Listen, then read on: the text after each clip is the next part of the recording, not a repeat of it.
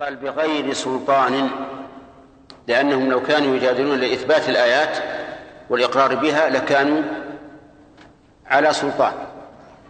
وقوله بغير سلطان بغير سلطان أتاهم قال المؤلف برهان أي بغير دليل. وذلك لأن السلطان كل ما يكون به السلطة ويختلف بحسب السياق. فالإمام الأعظم يسمى السلطان لأنه ذو سلطة والدليل يسمى سلطانه لأن الآخذ به ذو سلطة. وعلى هذا يكون معنى قوله بغير سلطان أي بغير دليل. وهذا وهذا وهذا النعت أو الحال لأن جملة بغير سلطان حال حال من فاعل يجادلون. هذه هذا الوصف وصف لبيان الواقع وليس وصفا مقيدا. والفرق أننا لو قلنا إنه وصف مقيد صار الذين يجادلون بآيات الله لإبطالها أحيانا يكون معهم سلطان وأحيانا لا يكون معهم سلطان. والواقع أنه ليس لهم سلطان. والقيد المبين للواقع ليس له مفهوم. وهذا آت في القرآن كثيرا. وإنما المقصود به أي بالقيد المبين للواقع المقصود به الاستدلال. يعني فكأنه تعليل للموصوف. وانظر إلى قول الله تعالى ومن يدع مع الله إلها آخر لا برهان له به فإنما حسابه عند ربه. فقوله لا برهان له به مبين إيش؟ للواقع وليس قيدا ليس قيدا لأنه لا يمكن أن يدعو أحد مع الله إلها آخر له فيه برهان. طيب. وكذلك قوله تعالى يا أيها الذين آمنوا استجيبوا لله وللرسول إذا دعاكم لما يحييكم. فإن هذا لا يعني أنه قد يدعونا لما لا يحيينا بل هو لا يدعونا إلا لما يحيينا فيكون هذا كالتعليل لموصوفه الذي صار الذي صار قيدا فيه. طيب إذن بغير بغير سلطان أتاه. هذا نقول إنها إنه وصف لبيان الحال والواقع وأنه لا سلطان لهم بذلك. وعلى هذا فيكون كالتعليل لموصوفه وأعني بالوصف هنا ما يشمل الحال وغير الحال. وقوله أتاهم الجملة صفة لسلطان. وقوله كبر مقتا هذا الجملة خبر مبتدأ. وقوله كبر أي عظم. أي عظم وضمت الباء حتى صار من باب فعل لأنه أريد به التعجب. يعني ما أكبر ما أكبر مقتهم عند الله مقتهم عند الله. قال مقتا هذه تمييز. تمييز لإيش؟ لكبر. لأن كبر المراد به الجدال.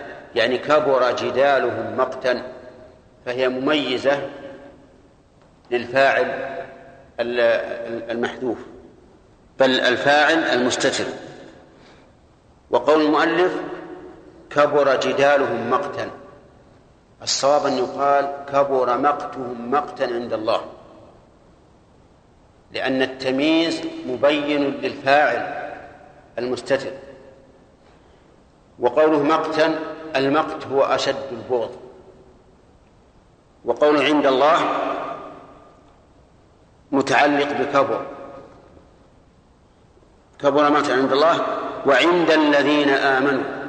يعني وكذلك المؤمنون يكبر مقتهم لهؤلاء المجادلين في آيات الله بغير سلطان الذين يريدون إدحاض الحق وإظهار الباطل. وقول عند الذين آمنوا إذا أطلق الإيمان فالمراد به ما يشمل الإسلام. وإذا أطلق الإسلام فالمراد به ما يشمل الإيمان. ولهذا لو سئلت فقيل لك هل الإسلام والإيمان مترادفان بمعنى واحد؟ فقل هما عند الإفراد إيش؟ مترادفان.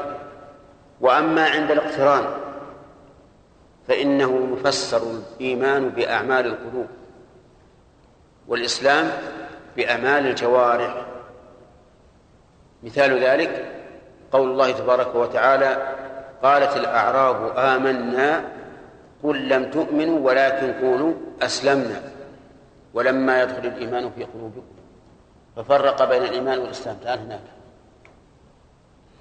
ففرق بين الإسلام والإيمان وبين أن الإيمان لم لم يدخل في قلوبهم ولكنه قريب الدخول لأن لما تفيد القرب طيب إذن في حديث جبريل فرق بين الإيمان والإسلام.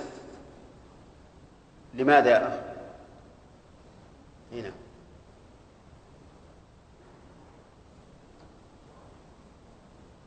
طيب وهكذا إذا اجتمع. طيب.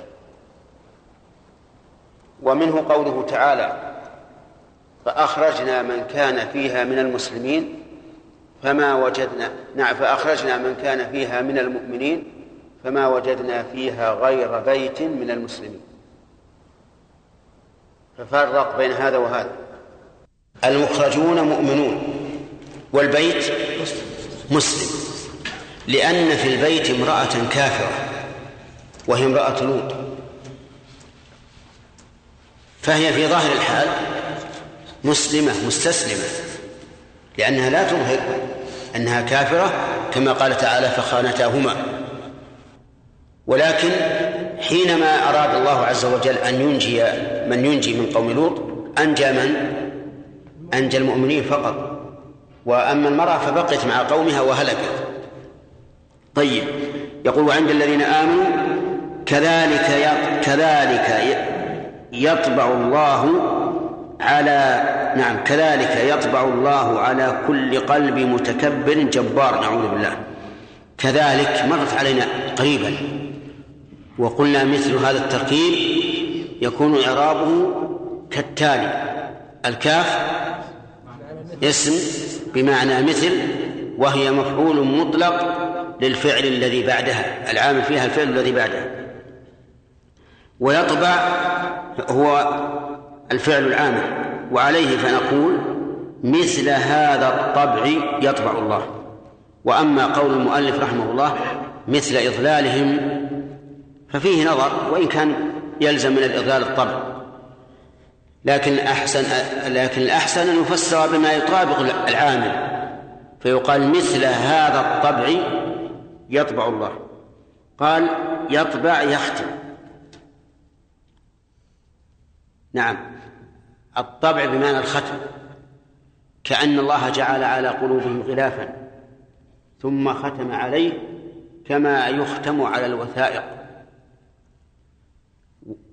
وقد أشار الله إلى ذلك في قوله وقالوا قلوبنا غلف بل طبع الله عليها. نعم. كذلك يطبع الله على نعم يطبع الله بالضلال على كل متك... على كل قلب متكبر جبار. قوله يطبع الله بالضلال يقال فيها كما قيل فيما سبق بأن المراد يطبع الله بالطبع على القلوب على كل قلب متكبر. وقول على كل قلب متكبر جبار بتنوين قلب ودونه. على كل قلب متكبر. وعلى كل قلب متكبر. والفرق أنه على قراءة التنوين يكون التكبر وصفا للقلب وعلى قراءة الإضافة يكون الطبع على قلب متكبر. وليس القلب هو المتكبر. والمعنى المعنى واحد لأنه نعم. لأنه إذا تكبر القلب تكبرت النفس. لقول النبي صلى الله عليه وعلى آله وسلم ألا وإن في الجسد مضغة؟ إذا صلحت صلح الجسد كله وإذا فسدت فسد الجسد كله ألا؟ وهي القلب. قول على كل قلب متكبر. أو قلب متكبر. ما هو التكبر؟ التكبر معناه الترفع يعني أن الإنسان يترفع وهو نوعان تكبر على الخلق وتكبر عن الحق تكبر على الخلق وتكبر عن الحق. وإلى هذا يشير قول النبي صلى الله عليه وعلى آله وسلم الكبر بطر الحق وغمط الناس. بطر الحق يعني رده وعدم الإذعان له وغمط الناس يعني احتقارهم فيرى نفسه أنه فوق الناس. هذا هو الكبر والعياذ بالله. ومعلوم أن من غمط الحق وازدراه فإنه لا يأخذ به. إذ كيف يأخذ بشيء يرى أنه نقيصا وكذلك من غمط الناس فإنه لا لا يعدل فيهم بل يعاملهم بالكبرياء والعياذ بالله. فيكون الطبع حقيقة حقيقا بمثل هذا القلب. وقد أخبر النبي صلى الله عليه وعلى وسلم أنه لا يدخل الجنة من في قلبه مثقال حبة خردل من كبر. في هذه الآية فوائد. أولا آه كراهة الله سبحانه وتعالى للذين يجادلون في آيات الله لأجل إبطالها لقوله الذين يجادلون في آيات الله كبر مقتا عند الله. ومن فوائد هذه الآية الكريمة أنه لا سلطان لكل إنسان جادل لإدحاض الحق وإظهار الباطل. يؤخذ من قوله بغير سلطان. ومن فوائدها تقوية قلوب المجادلين بالحق. لأنكم تعلمون أن الجدال يكون من طرفين. فالمجادل في آيات الله لإبطال هذا لا, لا, لا حجة له. يكون الخصم المقابل الآخر يكون له حجة أو لا. فإذا إذا علم المجادل الذي يريد إثبات الحق وإبطال الباطل أنه لا سلطان لخصمه فإنه سوف إيش؟ سوف يقوى قلبه ويزداد ويزداد ثباتا فيستفاد منه بطريق المفهوم أن المجادل في آيات الله لإثباتها سيكون معه السلطان والقوة ولكن هل كل من معه سلطان أو معه حجة يستطيع أن يحتج بها؟ لا. قد لا يستطيع. هو يعرف أنه على حق لكن لا يستطيع أن أن يجادل بها. ولهذا ينبغي للإنسان أن يعرف ما عند الأقوام من الباطل ليتمكن من من رده. أما كونه لا يقرأ الباطل ويقول أنا كلما ورد علي من باطل فعندي قدرة على دفاعه فهذا قد يخذل الإنسان في مكان يحب أن ينتصر فيه. فلا بد من أن يعرف الإنسان الباطل من أجل أن يرد عليه. ولهذا نرى العلماء المحققين يقرؤون كتب المناطق والفلاسفة وغيرها ثم يردون عليها. وهذا إنما يكون في رجل رسخت قدمه في العلم. أما رجل ابتدأ طالبا فهذا لا نشير عليه أن يقرأ كتب أهل الضلال. وذلك لأنه ليس عنده منعة. فيخشى أن يتأثر بهذه الكتب فيضل. لكن الراسخ في العلم نقول اقرأ حتى تعرف كيف ترد على هؤلاء. ومن فوائد الآية الكريمة أن من جادل بحق بحق فليس بمذموم. لقوله بغير سلطان. إذ لو كان لهم سلطان لكانوا على حق لكن ليس لهم سلطان. ومن فوائد الآية الكريمة إثبات المقت لله عز وجل وأنه يتفاضل فيكون مقته على شخص أو طائفة أكبر من مقته على شخص أو طائفة آخرين. من أين يؤخذ؟ من قوله كبر مقتا عند الله. وهل هذا المقت حقيقة أو يراد به لازمه وهو العقوبة؟ الأول هذا مذهب أهل السنة والجماعة أنهم يقولون كل ما وصف الله به نفسه فهو على حقيقته. لكنه يجب أن نعلم أنه لا لا يماثله صفات أو لا يماثل صفات المخلوقين. نعلم أنه لا يماثل صفات المخلوقين.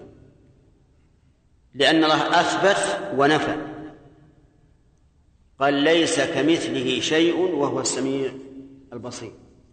وهذه خذها جادة عندك. امشي عليها. في كل ما وصف الله به نفسه. لا تقل هذا لا يراد به ظاهره.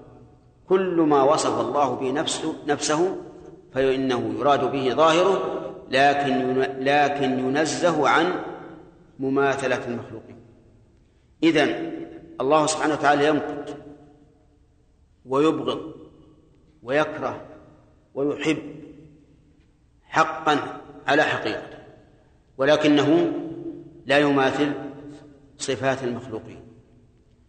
وذهب أهل التعطيل الذين يحكمون على الله بعقولهم لا بكلامه وكلام رسوله ذهبوا إلى أن مثل هذه الأوصاف يجب وجوبا أن تؤول إلى لوازمها. فيقولون مثلا المقت المراد به الانتقام والعقوبة. وليس البغض البغض أو الكراهة أو الأشد من ذلك. فيقال لهم إذا فسرتم ذلك بالعقوبة ارتكبتم محذورين. المحذور الأول إخراج كلام الله عن ظاهره. والمحذور الثاني إثبات معنى لا يراد به. أفهمتم؟ وهكذا كل محرف. نقول إنه ارتكب محذورين. المحذور الأول إيش؟ إخراج الكلام عن ظاهره وهذه جناية لا شك حيث سلب اللفظ معناه.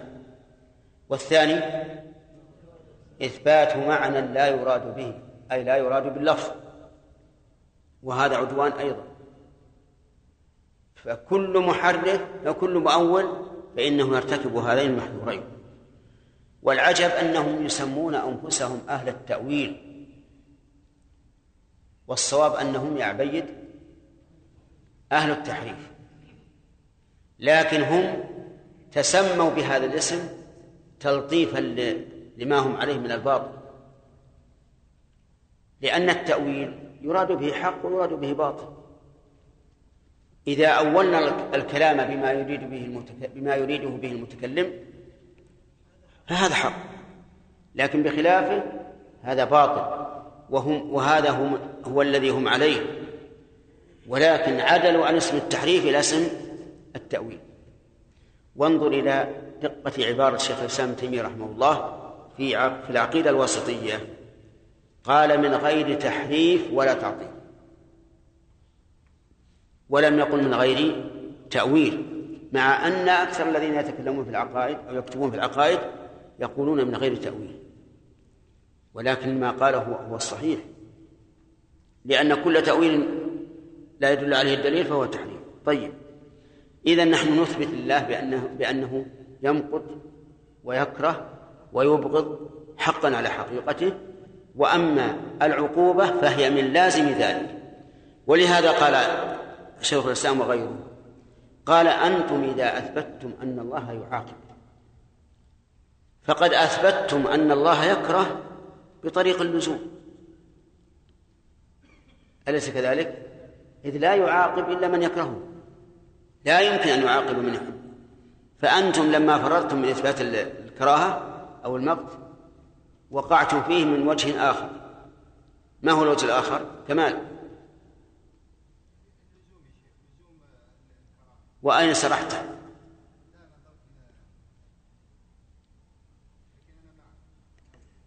هو أنت الآن أمامه قريب مني. طيب على كل حال نستمع نقول إذا أثبتتم العقوبة فلا عقوبة إلا بعد مقت وكراهة.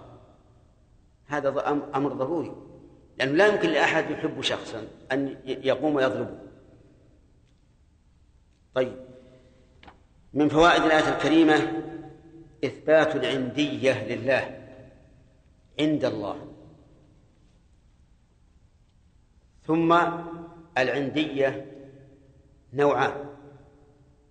عندية وصف وعندية قرب. فقول الله تبارك وتعالى إن الذين عند ربك لا يستكبرون عن عبادته. هذه إيش؟ عندية قرب. وقوله هنا كبر مقتا عند الله عندية وصف. لأن المقت ليس شيئا منفصلا بائنا عن الله حتى يكون عندية قرب بل هذا عندية وصف. كما تقول للشخص أنت عندي عزيز. تقول وهو بعيد منك. وليس المعنى أنت عندي عزيز لأني قريب. لا هذه عندية وصف.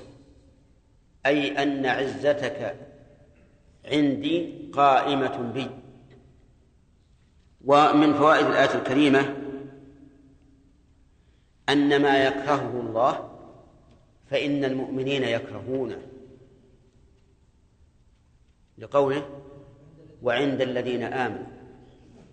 وهذه علامة الإيمان خذها قياسا وميزان عدل. متى رأيت من نفسك أنك تكره ما يكرهه الله ويحب ما يحب وتحب ما يحب الله؟ فذلك الإيمان. ذلك الإيمان. دل عليه هذه الآية وغيرها من الآيات والأحاديث ودل عليه العقل أيضا. لأن من كمال المحبة والإيمان أن تحب ما يحبه من تحب وتكره ما يكرهه. ومن فوائد هذه الآية الكريمة فضيلة الإيمان حيث يكون المؤمن دائرا مع الله عز وجل في محبة ما يحب وكراهة ما يكره. ومن فوائد الآية الكريمة التحذير من الكبر وأنه سبب للطبع على القلب والعياذ بالله. بقوله كذلك يطبع الله على كل قلب متكبر ومن فوائد الآية الكريمة أيضا التحذير من الجبروت وهو التعاظم على الغير والشدة عليه وما أشبه ذلك. لقوله كل متكبر جبار. نعم. آه، إذن في الآية التحذير من الكبر والجبروت. وبهذا نعم ومن فوائد الآية الرد على من قيل الكمال أن تتصف بصفات الكامل يعنون الله. الكمال أن تتصف بصفات الكامل ولا أكمل من الله. نقول هذه قاعدة من أفضل القواعد. ولا يمكن للإنسان أن يجاري الله تعالى في أوصافه. فالتكبر والجبروت والتعالي والتعاظم بالنسبة لله وبالنسبة لنا نقص. نقص وعيب وسبب للبلاء. وبهذا بطلت هذه القاعدة التي لا أساس لها من الصحة. حتى إن بعضهم آه، وضع حديثا قال تخلقوا بأخلاق الله. تخلقوا بأخلاق الله. هل نسمي أوصاف الله أخلاقا؟ نعم أبدا. لا نسميها لأن كلمة أخلاق قد تدل على خلق كسبي. والأخلاق نوعان غريزي وكسب. لا لا إشكال في هذا. ولهذا لما قال الرسول صلى الله عليه وسلم إن فيك لخلقين لأشد عبد القيس قال إن فيك لخلقين يحبهما الله. الحلم والأنات. قال يا رسول الله أخلقان تخلقت بهما أم جبل الله عليهما؟ قال بل جبلك الله عليه قال الحمد لله الذي جبلني على ما يحب أو كلمة النحو. فالإخلاق كسبي وغريزي ولا يمكن أن نسمي أوصاف الله تعالى أخلاقا له. بل نقول أوصاف وصفات وما أشبه ذلك. على أن من العلماء من أنكر أن تقول لله صفة. مثل بن حزم. بن حزم رحمه الله قال إياك أن تقول لله صفة. الله ما له صفة. أسماء لا بأس. صفة لا. لكنه محجوج بقوله بقول الرجل الذي كان يقرأ قل هو الله أحد قال إنها صفة الرحمن وأحب أن أقرأها. فعلى كل حال نحن نقول إن هذا هذه الآية تدل دلالة واضحة على كذب هذه القاعدة التي قعدها من قعدها من الناس. ونحن نقول لكل مؤمن تخلق بأخلاق النبي صلى الله عليه وسلم لأن لأن نبينا صلى الله عليه وسلم لنا أسوة نعم.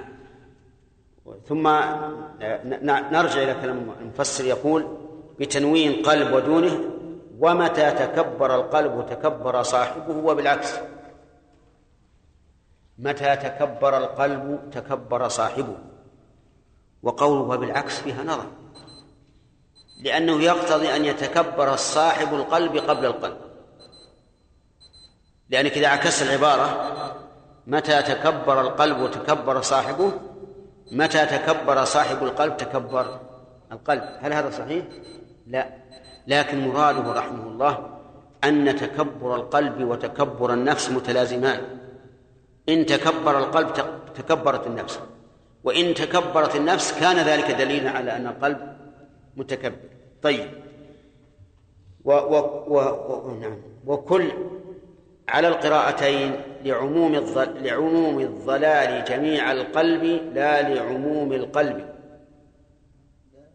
ها؟ إيش؟ القلوب. طيب ما يخالف. يمكن القلوب أصح ما عندكم حاشة الجمال شو يقول؟ الظاهر القلوب أصح.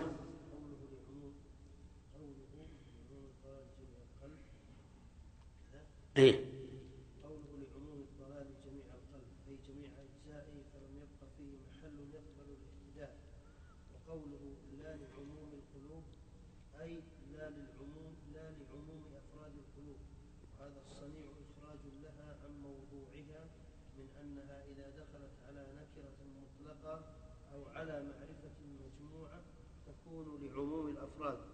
إذا دخلت على معرفة مفردة تكون لعموم الأجزاء وهنا قد دخلت على النكرة فكان حقها أن تكون لعموم الأفراد لا لعموم الأجزاء كما سلكه الشارح فليتأمل. نعم. انتهى شيخنا. نعم نعم قال القلوب. ذكر القلوب. نعم. لا لعموم القلوب. نعم لا لعموم القلوب. طيب. كلام المؤلف الآن يقول إن الكلية هنا تعود على الفرد. لا على الأفراد. على كل قلب يعني على كل القلب لا على بعضه وليست لعموم القلوب يعني ليست لعموم كل قلب على حدة.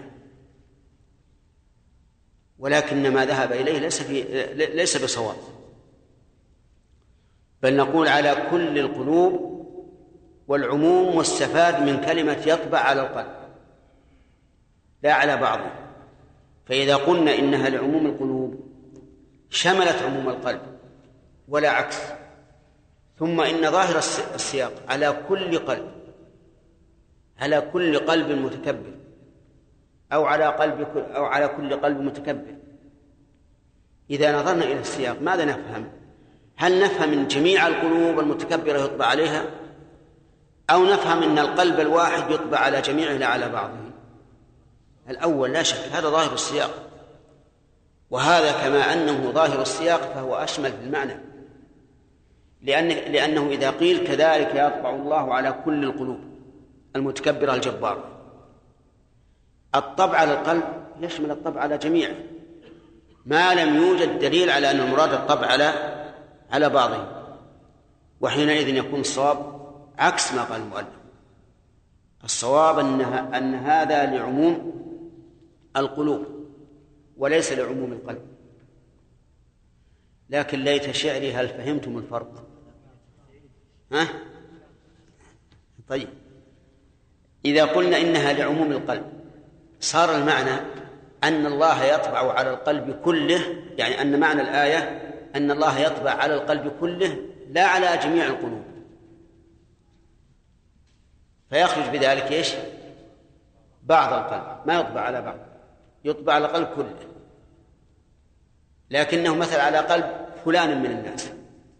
أما إذا قلنا إنها لعموم القلوب صار معنى الآية أن الله يطبع على جميع القلوب المتكبرة في أي واحد من الناس. فإذا قلنا لعموم القلب صارت عامة للأفراد أفراد القلوب. إذا إذا قلنا لعموم القلوب إذا قلنا لعموم القلب صارت إيش؟ عامة للقلب الواحد. يعني والقلوب الأخرى مسكوت عنها. هذه وجه الفرق. العموم الأخرى القلوب الأخرى مسكوت عنها. ولكن نقول الصواب أن أن معنى قوله على كل قلب متكبر يعني من جميع الناس. وإذا قال طبع على القلب فالمعنى أنه على جميع القلب. ما لم ينص على أن المراد بعض القلب. نعم.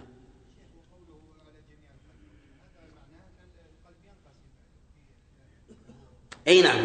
والطبع ما ينقسم. الطبع ختم على القلب ما فيه نافذة يخرج منها. نعم. القلوب باعتبار الأفراد تنقسم إلى إلى أقسام. لكن القلب الواحد لا القلب الواحد ما ينقسم.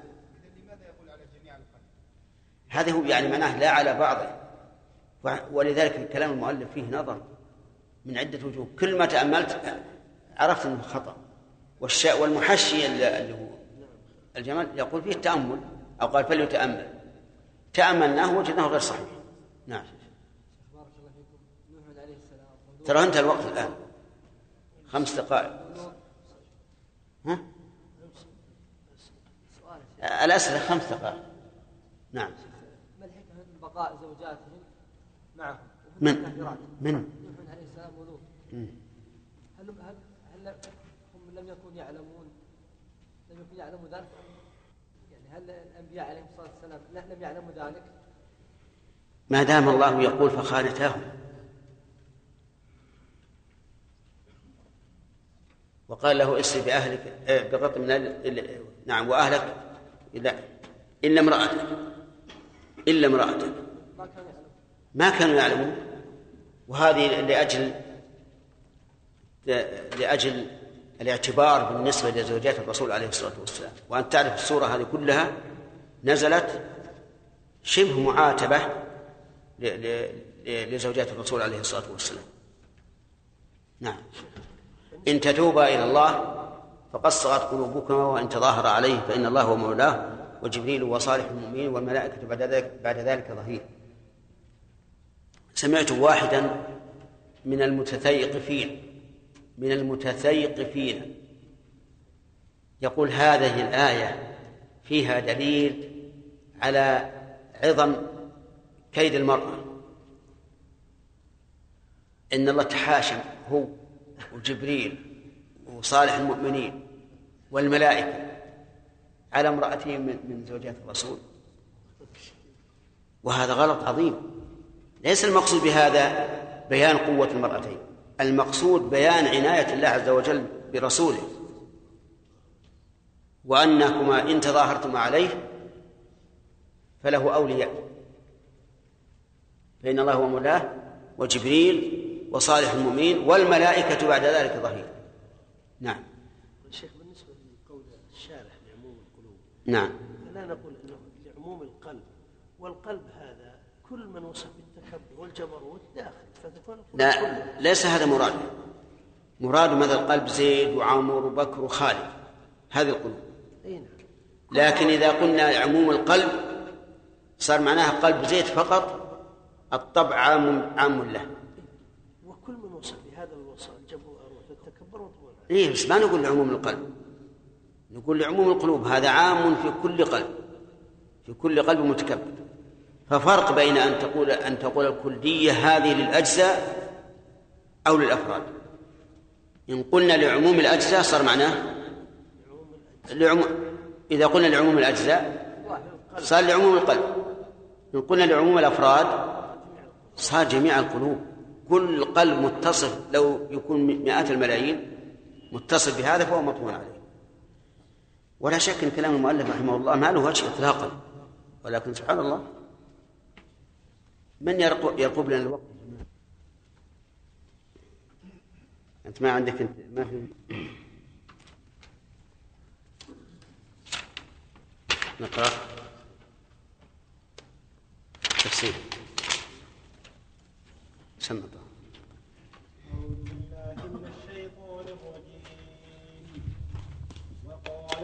فرعون يا هامان ابن لي صرحا لعلي أبلغ الأسباب أسباب السماوات فأطلع إلى إله موسى. وإني لأظنه كاذبا. وكذلك زين لفرعون سوء عمله وصد عن السبيل.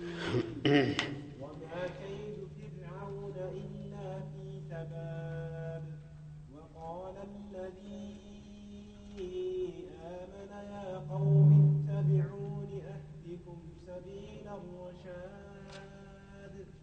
يا قوم إنما هذه الحياة الدنيا متاع وإن الآخرة هي دار القرار. بس. أعوذ بالله من الشيطان الرجيم.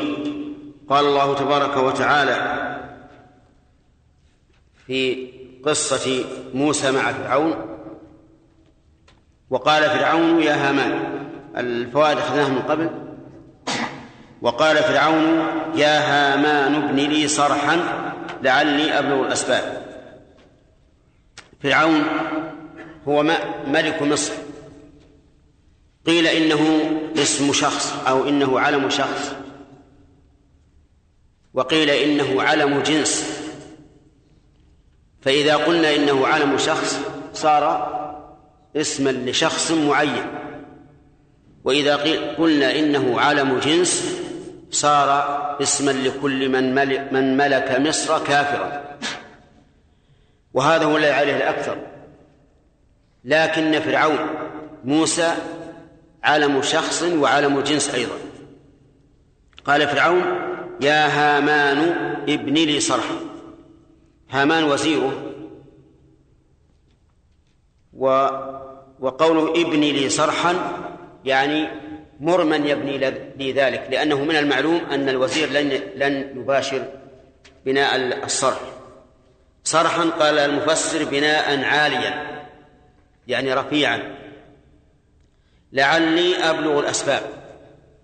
لعل هنا للتعليل. وهي تأتي للتعليل تارة وللإشفاق تارة. وللترجي تارة فمنها فمن مجيء أهل التعليل هذه الآية. وقوله تعالى إنا أنزلناه قرآنا عربيا لعلكم تعقلون. هذه للتعليل. وكلما جاءت لعل في حق الله عز وجل فإنها للتعليل لأن لأن الرب عز وجل لا يترجى إذ أن كل شيء عليه هين وتأتي للإشفاق. مثل أن تقول لعل الحبيب هالك يعني أخشى أن يكون هالك وتأتي للترجي. مثل حضرت إلى الدرس فلعلي أفهم فلعلي أفهم. لو قلت لعلي أفهم احتمل أن تكون للتعليل. فإذا قلت فلعلي صارت للترجي. وتكون أيضا للتوقع كما لو قلت لشخص تخاطبه لعلك فاهم. وهذه المعاني التي تأتي للحروف بل وللأسماء أيضا وللأفعال إذا كانت متعددة فالذي يعينها السياق وقرائن الأحوال. قال لعلي أبلغ الأسباب. أسباب السماوات. الأسباب جمع سبب وهو كل ما يوصل إلى المقصود. فالسبب وسيلة والمسبب غاية. فما هي الأسباب هنا؟ بينها بقوله أسباب السماوات. فأسباب السماوات محلها مما قبلها عطف بيان. تبين الإبهام الموجود في في الأسباب. فإن قال قائل لماذا لم يقع البيان لماذا لم يقع الكلام مبينا من أول الخطاب؟ فيقال لعلي أبلغ أسباب السماوات. قلنا إن الإبهام أولا ثم التفصيل والبيان ثانيا أوقع في النفس لأن الشيء إذا جاء مبهما ثم بين صار البيان وقع عند تشوف النفس لمعرفة هذا المبهم أفهمتم؟ يعني لو جاء الكلام مبين من أول أمر لكان سهلا على النفوس لكن إذا جاء أولا مبهما تشوفت النفس لمعرفة هذا المبهم ثم جاء البيان والنفس مستعدة لقبوله متشوفة إلى الوصول إليه. أسباب السماوات قال المفسر طرقها الموصلة إليها. فأطلع بالرفع عطفا على أبلغ وبالنصب جوابا لابن. يعني أن فيها قراءتين سبعيتين. فأطلع فأطلع. أما على رواية على قراءة الرفع فإنها معطوفة على أبلغ. يعني لعلي أبلغ الأسباب فلعلي أطلع. وأما على قراءة النصب فإنها جوابا فإنها وقعت جوابا لابن ابني فعل أمر وفعل الأمر يقع جوابه يقع جوابه إذا كان مقرونا بالفاء بالنصب فأطلع فتكون الفاء هنا للسببية. واعلم أن القراءتين الواردتين في في القرآن الكريم هما أحد الحروف السبعة التي نزل القرآن عليها. فإن القرآن أنزل على سبعة أحرف ولما كان في زمن عثمان رضي الله عنه أمر أن يجعل القرآن على حرف واحد هو حرف قريش يعني لغتها. فهذه القراءات ليست هي القراءة فهذه القراءات الموجودة ليست هي الأحرف السبعة بل هي على حرف واحد.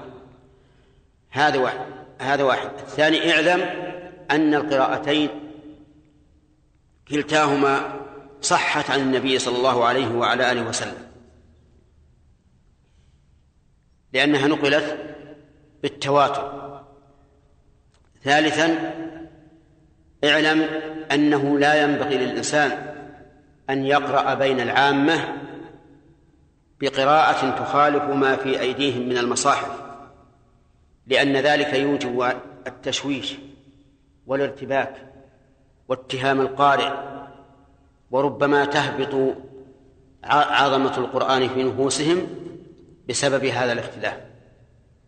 أما فيما بينك وبين نفسك فالأفضل أن تقرأ بهذا تارة وبهذا تارة بشرط أن تكون عالما غير متخبط. وإنما قلنا هذا هو الأفضل لأن كل من القراءتين قد قرأ به النبي صلى الله عليه وعلى آله وسلم. فيكون هذا مثل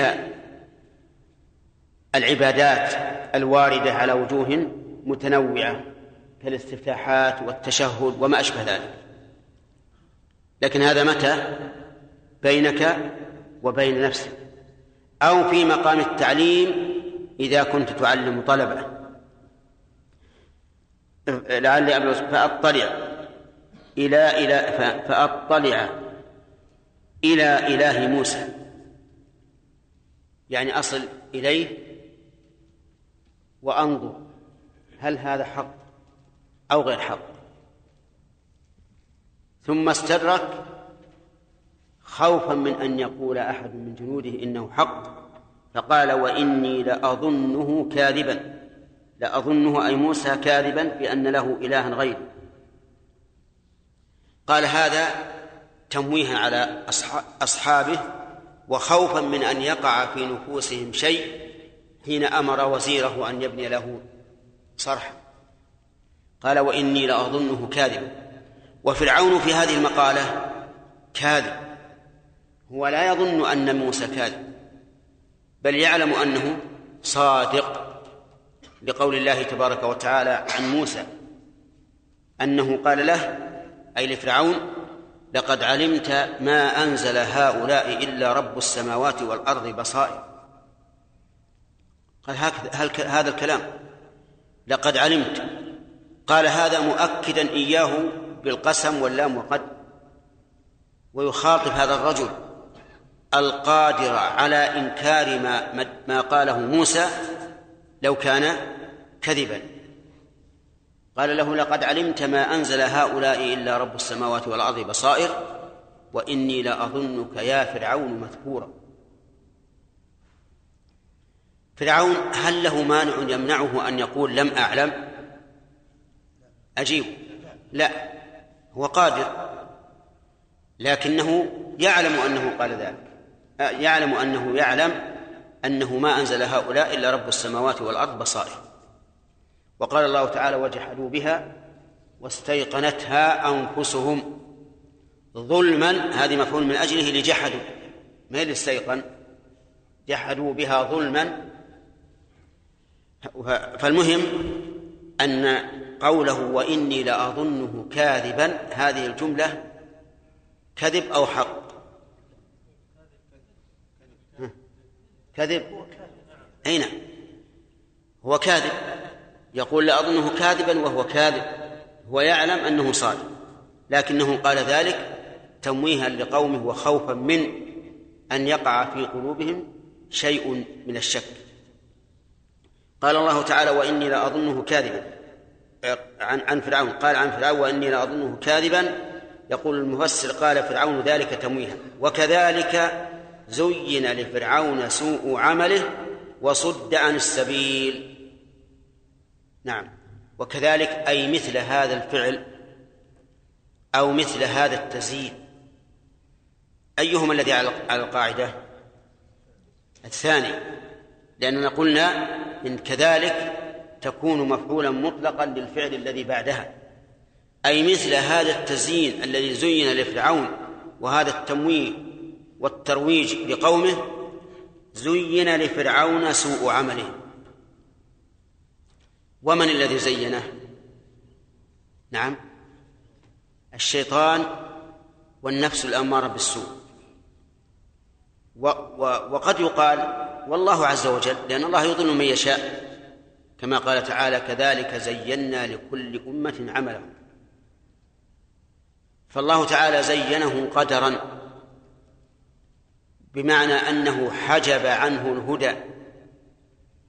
ثم زين له الشيطان والنفس الأمارة بالسوء أن يعمل هذا العمل سوء عمله.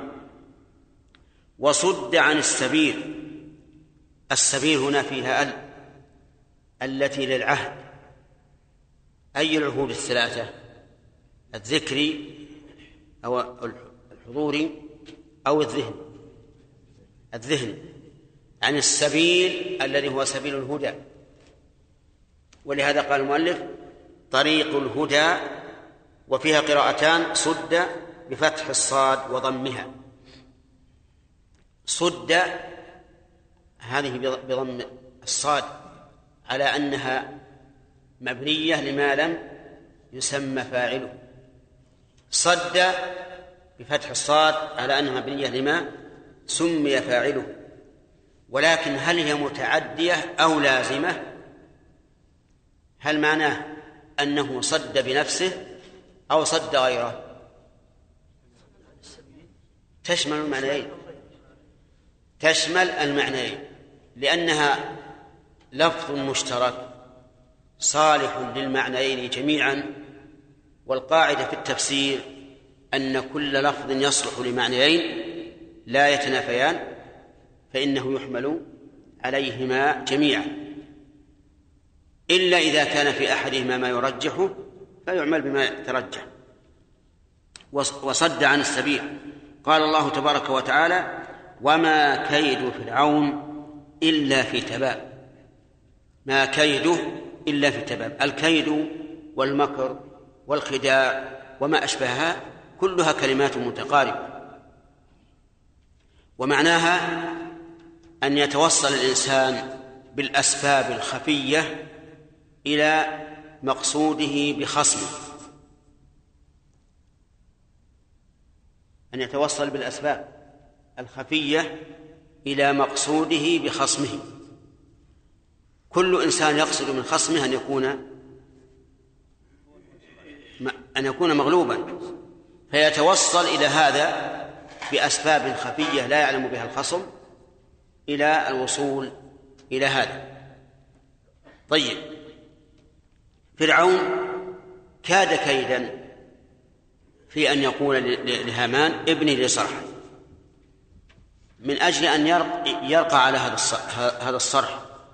فإذا وصل غايته نظر أمام الناس ثم نزل وقال لم أجد رب موسى.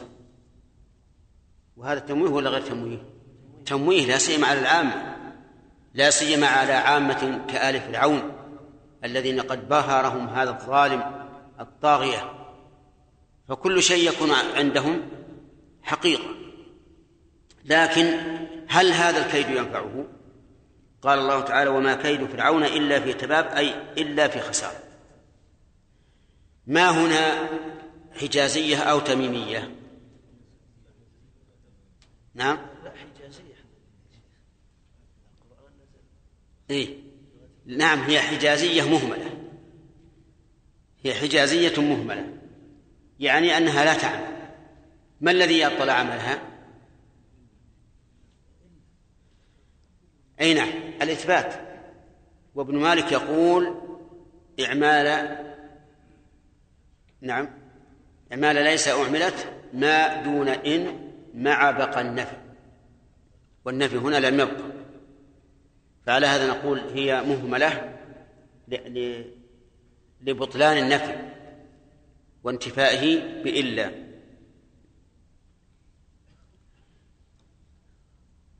في هذه الآية فوائد. من فوائدها من فوائد هذه الآية استعلاء فرعون وترفعه وذلك بتوجيه الأمر إلى وزيره أن يبني له صرحا. وتأمل قوله ابن لي ولم يقل ابن لأن هذا أعظم في الترفع والتعاظم. إذ لو قال ابن لكان لأي أحد يبني فيه إبهام لكن إذا قال لي دل هذا على أنه استخدم هذا الرجل الذي هو الوزير استخداما تاما. ومن فوائد هذه هذه الآية الكريمة أن اتخاذ الوزراء كان عرفا قديما.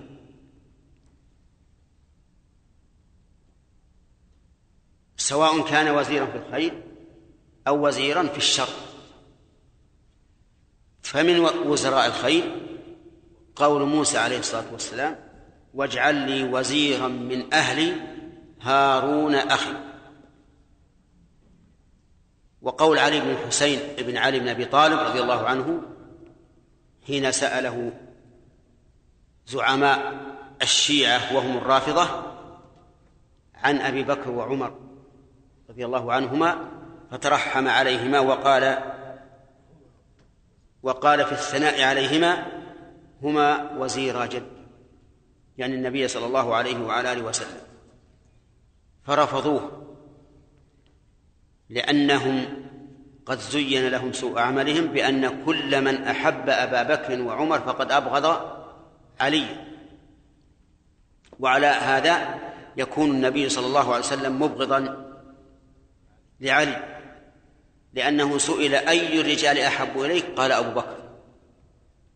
فعلى قاعدتهم يكون الرسول مبغضا لعلي. فانظر كيف كانت عاقبة هذه القاعدة الفاسدة الباطلة. نعم. من فوائد هذه الآية الكريمة آه، جواز نسبة الشيء إلى الآمر به دون فاعله. تؤخذ من قوله ابن لي صرح وهو لا يريد أن هامان يتولى البناء بنفسه بل يأمر لأنه وزير. ومن فوائد ومن فوائد هذه الآية الكريمة إثبات علو الله تعالى العلو الذاتي في الشرائع السابقة. من أين تؤخذ؟ من قوله ابني صرحا لعلي أبلغ أسباب أسباب السماوات. فهذا يدل على أن موسى صلى الله عليه وعلى آله وسلم قد أبلغهم بأن الله في السماء. وهذا يعني علو الله الذاتي.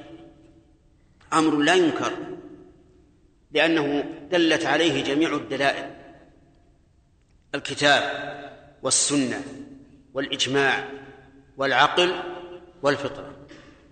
كلها دلت على علو الله عز وجل العلو الذاتي وأنه سبحانه وتعالى في السماء وأنه لا يمكن أن يكون في الأرض. ونحن نركز على هذه النقطة لأهميتها لأنها تتعلق بالعقيدة. أما القرآن فما أكثر الأدلة المتنوعة الدالة دلالة قاطعة على أن على علو الله الذاتي.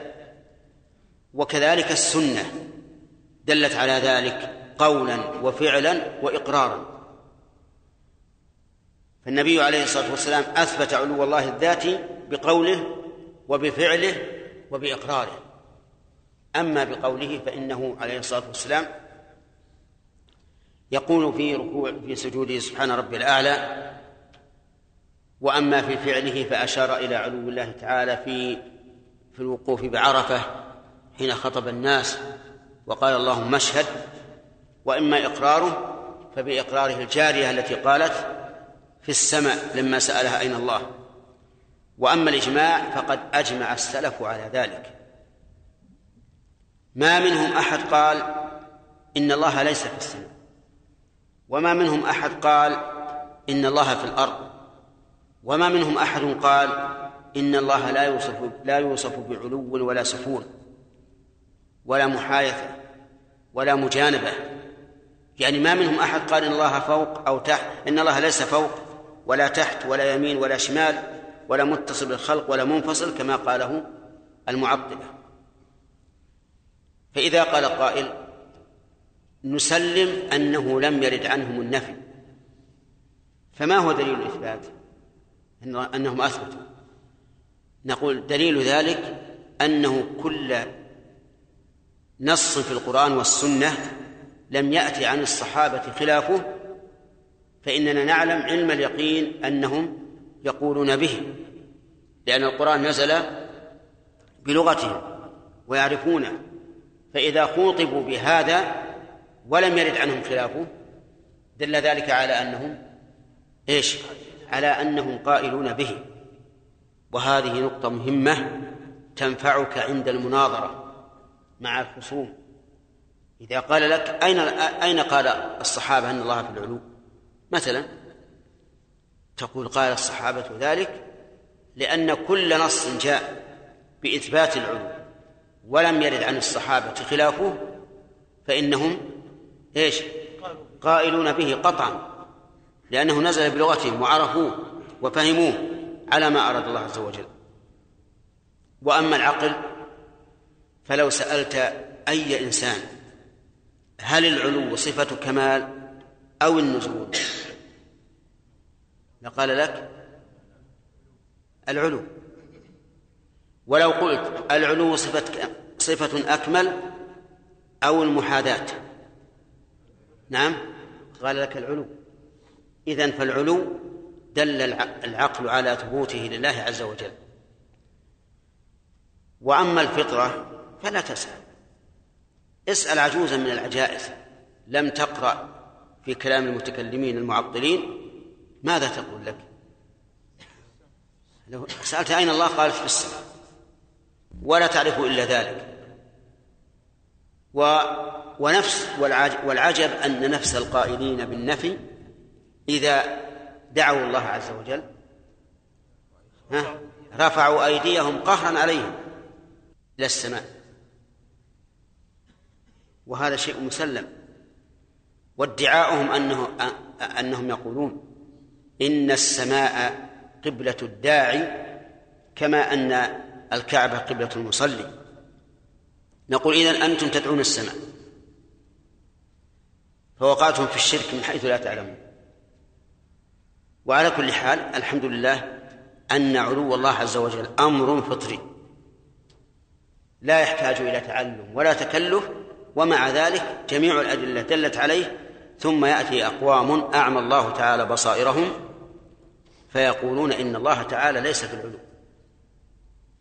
طيب ماذا يقولون؟ استمع. منهم من يقول إن الله في كل مكان.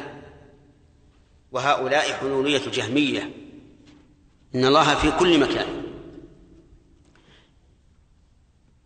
في المساجد في الأسواق في البيوت في الجو في السماء في الم... والعياذ بالله في المراحيض في كل مكان.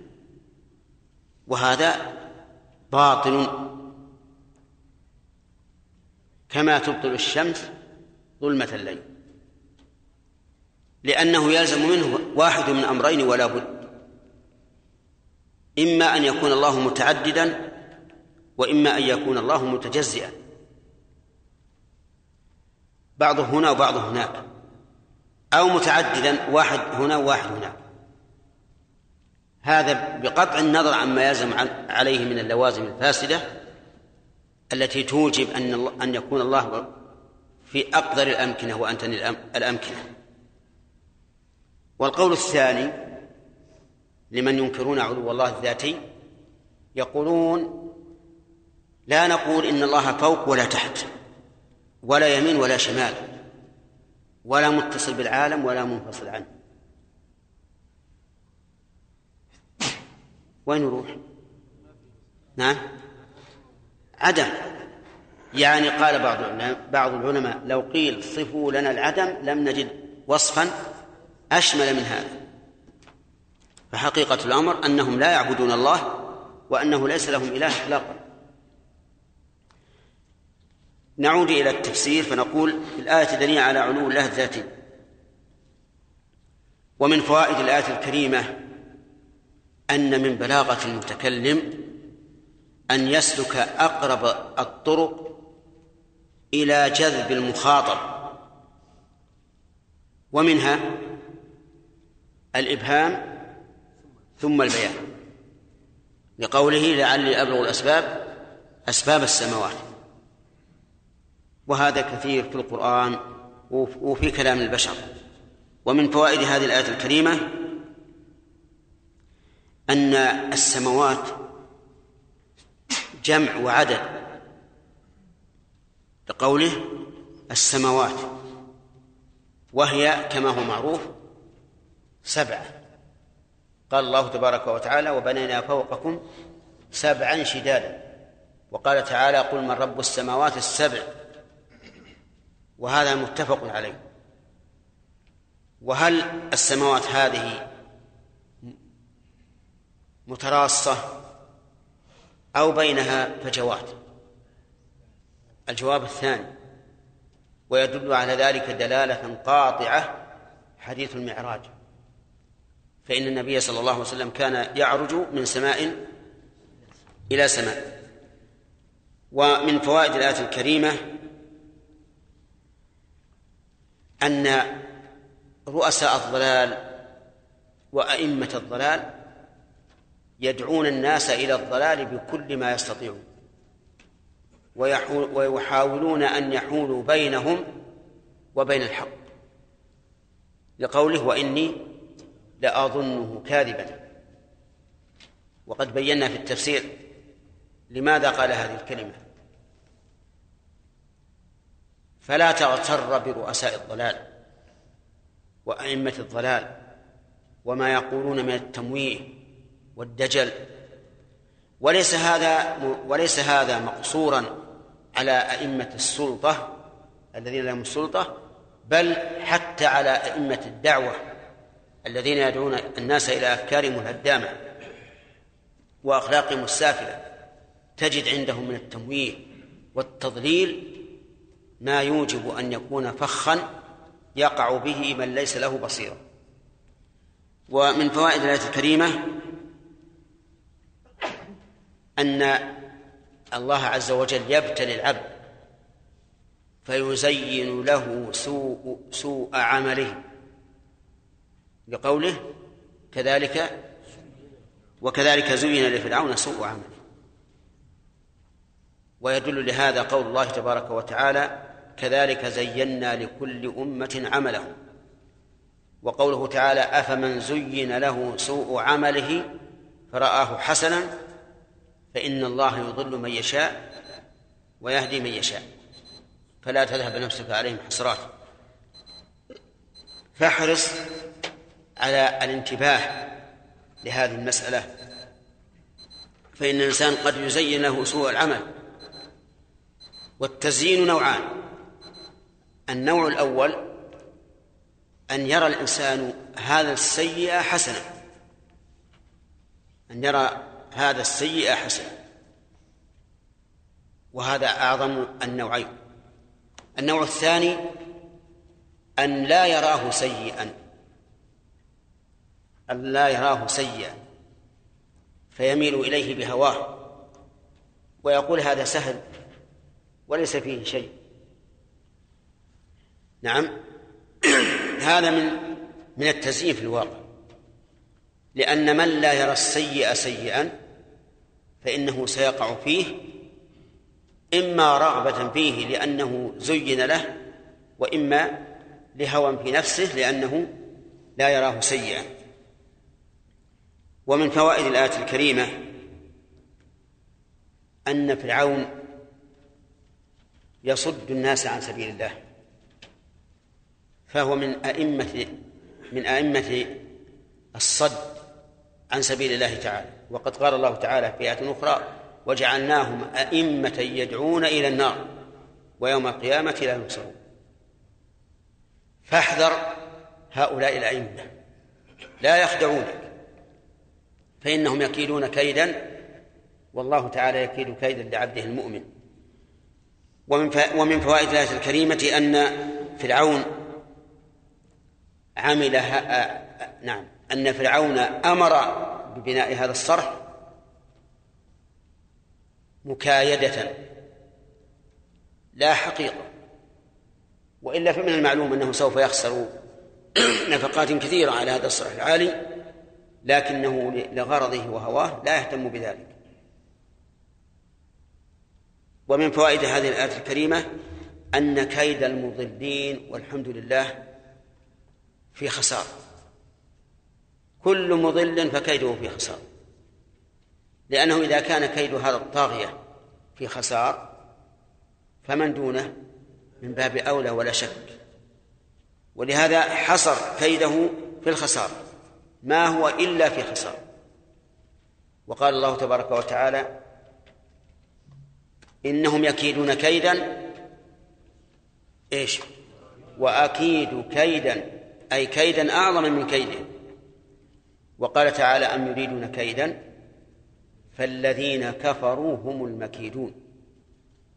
وهذه من أعظم الآيات التي تفرح المؤمن أن كيد الكافر يجعل يجعله هو المكيد. وجاءت الآية, الآية بالجملة الاسمية فالذين كفروا هم المكيدون وبضمير الفصل إشارة إلى ثبوت ذلك عليهم وتأكده. إلى ثبوته بماذا؟ بكونه جاء بالجملة الاسمية لأن الجملة الاسمية كما يقول أهل العلم تفيد الثبوت والاستقرار. وجاء بالحصر عن طريق ضمير الفصل. فالذين كفروا هم المكيدون. وهذه الآيات والحمد لله تفرح المؤمن. لكن لاحظوا أن هذا وعد الله عز وجل وهو لا يخلف الميعاد لكنه يحتاج إلى سبب. يحتاج إلى سبب. أن يكون من من المؤمن عمل مضاد. وأن المؤمن إذا عمل العمل المضاد لكيد الكافرين يثق بوعد الله ويقول إن أن هذا الكيد سيكون عليهم وهم في خسارة خسارة منه. أما أن نقول إن الله يكيد لهم وهم المكيدون ولكننا ننام على فرشنا وندع السباع تأكل الغنم فهذا غير صحيح. لا بد من عمل. يا أيها الذين آمنوا إن تنصروا الله. إن تنصروا الله ينصركم. وما كيد فرعون إلا في تباب وقد انتهى الوقت الآن إلى الدرس الثاني. نعم.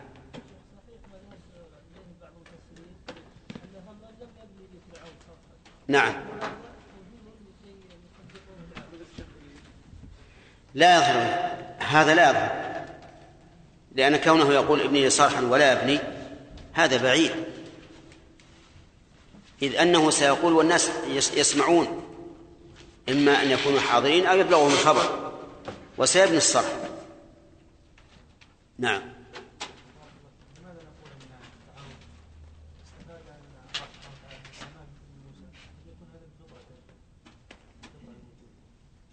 نعم سواء كان بفطرته أو أو أو بدعوة موسى. لكنه إذا إذا قلنا بدعوة موسى ما بقي علينا شيء. أما بفطرته فقد تكون انحرفت.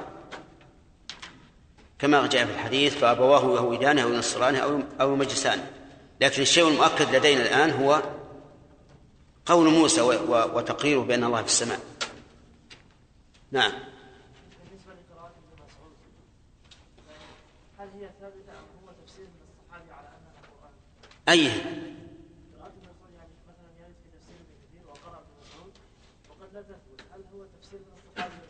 لكن هات هات مثال.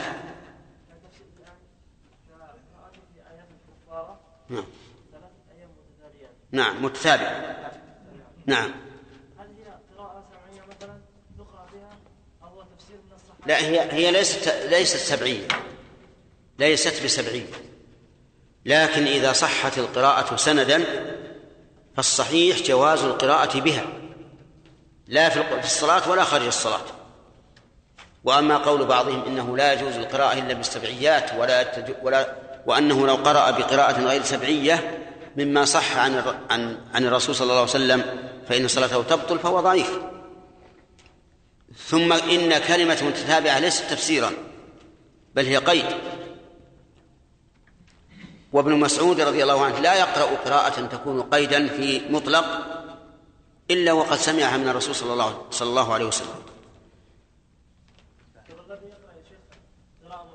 نعم.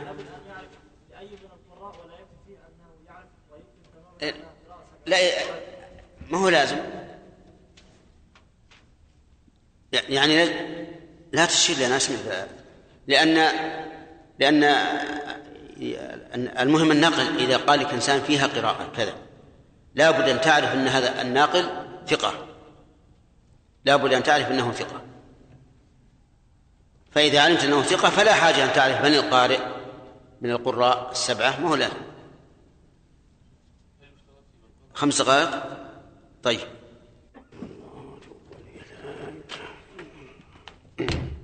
سم الله. بالله من الشيطان الرجيم. وقال الذي آمن يا قوم اتبعون يهدكم سبيل الرشاد. يا قوم إنما هذه الحياة الدنيا متاع. تأخر شوي.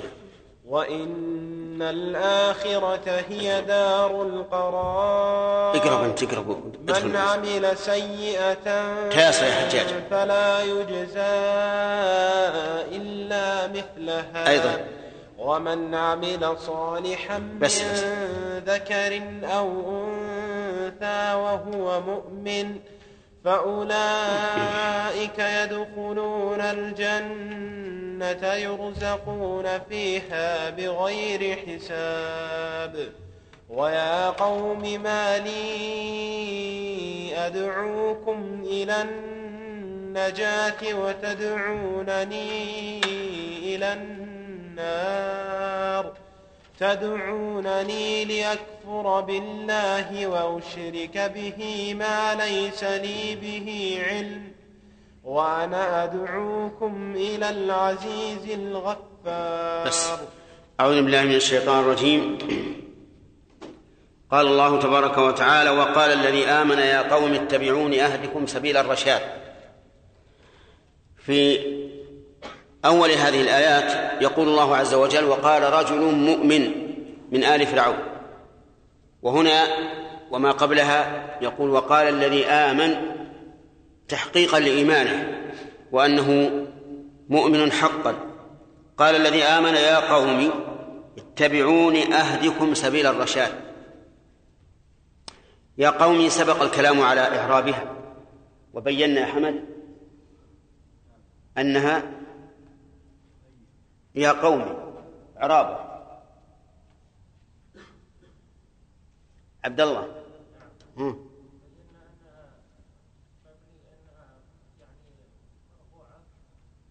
لا.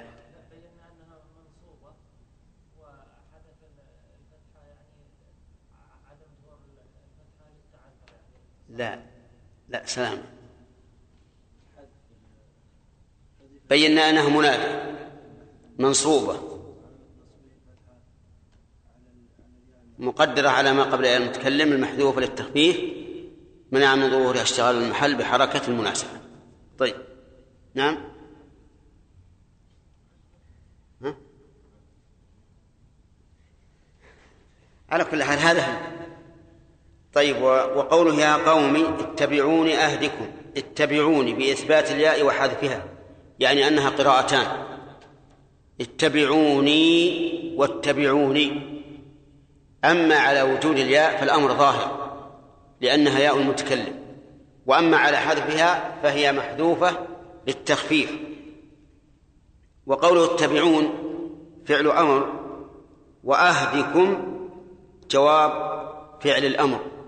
ولهذا وقع مجزوما بحذف الياء والكسرة قبلها دليل عليها وأصل أهدكم أهديكم لكن الفعل المضارع إذا وقع جوابا للأمر فإنه يكون مجزوما. قيل إنه مجزوم به وقيل إنه مجزوم بشرط مقدر والتقدير إن تتبعون أهدكم. وهكذا يقال في كل ما جاء على هذا التركيب. أهدكم سبيل الرشاد أي طريقة. والهداية هنا هداية الدلالة لأنه لا يمكن أن يراد بها هداية التوفيق إذ أن هداية التوفيق تكون بيد الله عز وجل لقوله تبارك وتعالى لرسوله محمد صلى الله عليه وعلى آله وسلم إنك لا تهدي من أحببت أي لا تهدي هداية التوفيق. فقوله أهدكم سبيل الرشاد يعني إيش؟ يعني أدلكم أدلكم على سبيل الرشاد. سبيل الرشاد ضد سبيل الغي والرشاد هو حسن التصرف والغي هو الضلال عن أو ارتكاب الخطأ عن عمد. يا قوم إنما هذه الحياة الدنيا متاع وإن الآخرة هي دار القرار. لما رغبهم باتباعه زهدهم في الدنيا لأن أصل ضلال بني آدم هو الطمع في الدنيا والتنافس إنما يكون عليها. ولهذا قال النبي عليه الصلاة والسلام والله ما الفقر أخشى عليكم وإنما أخشى أن تفتح عليكم الدنيا فتنافسوها كما تنافس كما تنافسوها أي من قبلنا فتهلككم كما أهلكتكم. فهو لما طلب أن يتبعوه بين لهم حال الدنيا التي ينافسون فيها والتي صدوا عن سبيل الله بها. فقال يا قوم إنما هذه الحياة الدنيا متاع. إنما أتت حصر. وهذه الحياة الدنيا مبتدأ ومتاع خبره أي ما هذه الدنيا إلا متاع. يتمتع به الإنسان قليلا ثم يزول. ولهذا يقول المؤلف التفسير متاع تمتع يزول. وإن الآخرة لا هي وإن الآخرة هي دار القرار الآخرة ما بعد الدنيا هي دار القرار هي ضمير فصل. ودار القرار خبر خبر إن واعلم أن ضمير الفصل ضمير لا محل له من الإعراب. لا يعرب مبتدأ ولا خبرا ولا أي شيء لا محل له من الإعراب. واعلم أيضا أن له ثلاث فوائد. الفائدة الأولى التوكيد والفائدة الثانية الحصر والفائدة الثالثة تمييز الخبر من الصفة. ويظهر هذا بالمثال. فإذا قلت زيد هو الفاضل. زيد هو الفاضل. فهو ضمير فصل. استفدنا منه ثلاث فوائد. أولا التوكيد حيث أكدنا أن زيدا هو الفاضل. بل حيث أكدنا أن زيدا فاضل ثم الحصر. لأن قلت زيد هو أي لا غير. زيد هو الفاضل. الثالثة الفائدة الثالثة التمييز بين الصفة والخبر. فإنك لو قلت زيد الفاضل لاحتمل أن يكون الفاضل صفة لزيد وأن الخبر لم يأتي بعد. فإذا قلت هو الفاضل تعين أن تكون الفاضل خبرا فبذلك يحصل التمييز بين الخبر وبين الصفة. طيب. ذكرنا أنه لا محل له من الإعراب ودليل ذلك قوله تعالى لعلنا نتبع السحرة إن كانوا هم الغالبين فهنا جاءت الغالبين خبرا لكان. ولو كان له محل من الإعراب لكانت إن كانوا هم الغالبون لكنه ليس له محل من الإعراب. طيب إذن ما هي دار القرار؟ هي الدار الآخرة. وأكد ذلك بالإتيان بضمير آدم. ضمير إيه؟ ضمير الفصل. طيب. وإن دار وإن الدار الآخرة هي دار القرار أي دار المستقر ولهذا يؤتى بالموت على صورة كبش فيوقف بين الجنة والنار. ويقال يا أهل النار فيشرئبون ويطلعون وكذلك يقال لأهل الجنة يا أهل الجنة فيشرئبون ويطلعون فيقال لهم هل تعرفون هذا؟ فيقولون نعم هذا الموت. فيذبح أمامهم ويقال يا أهل الجنة خلود ولا موت ويا أهل النار خلود ولا موت.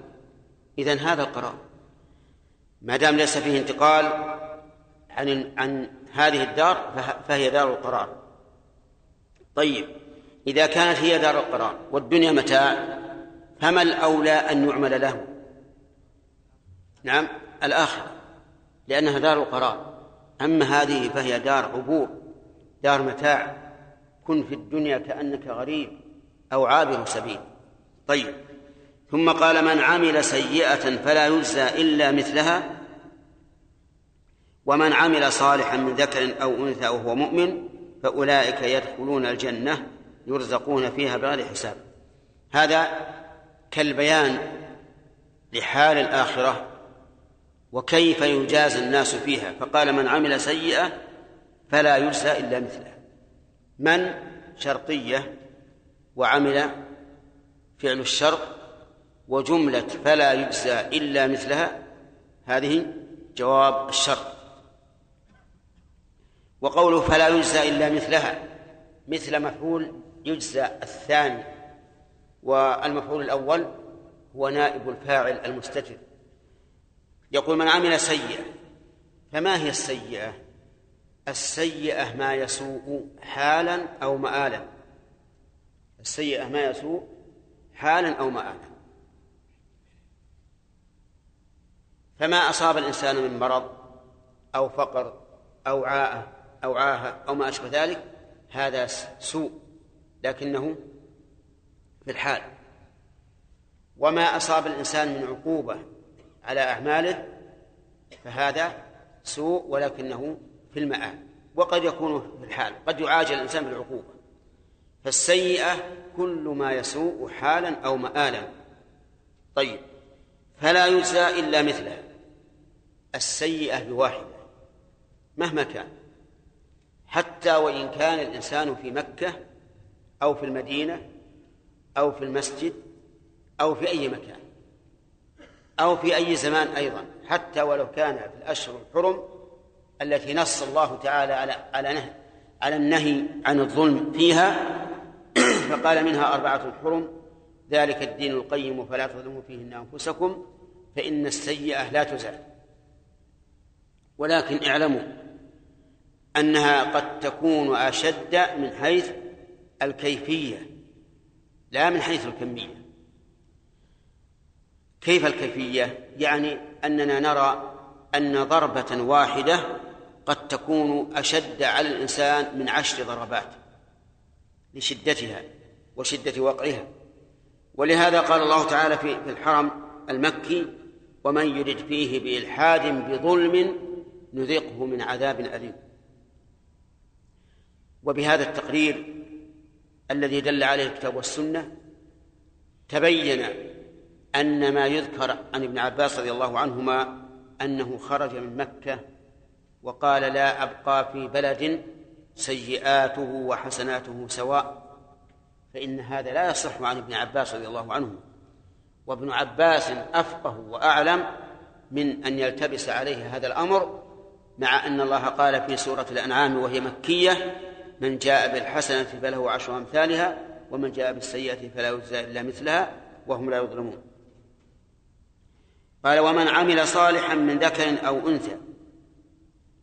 ومن عمل صالحا من هذه شرطية وصالحا يجوز أن أن نعربها صفة لموصوف محذوف والتقدير عمل صالح.